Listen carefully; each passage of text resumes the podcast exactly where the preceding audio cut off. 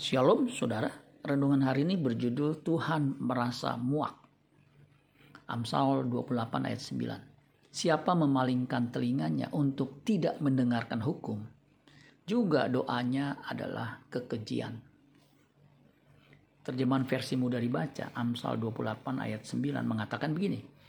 Bila orang tidak mendengarkan ajaran Allah, ia tidak akan mengabulkan doanya Allah tidak akan mengabulkan doa orang yang tidak hidup sesuai dengan firman Tuhan atau perintahnya. Bahkan ia merasa muak dengan doa-doa kita. Amsal 28 ayat 9. Jika engkau tidak mentaati hukum Allah, Allah pun akan merasa muak terhadap doamu. Hal ini sejalan dengan ajaran Rasul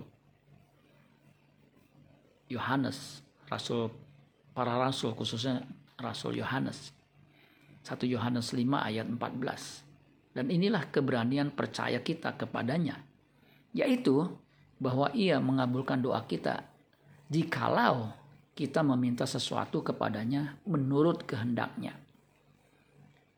Orang yang hidup sesuai kehendak Allah bukan saja doanya dikabulkan, tetapi ia akan hidup kekal Matius 7 ayat 21. Bukan setiap orang yang berseru-seru kepadaku Tuhan, Tuhan akan masuk ke dalam kerajaan sorga.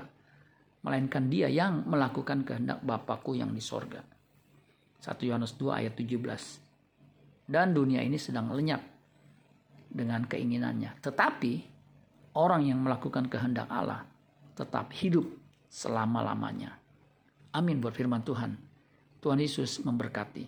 Sola Gracia.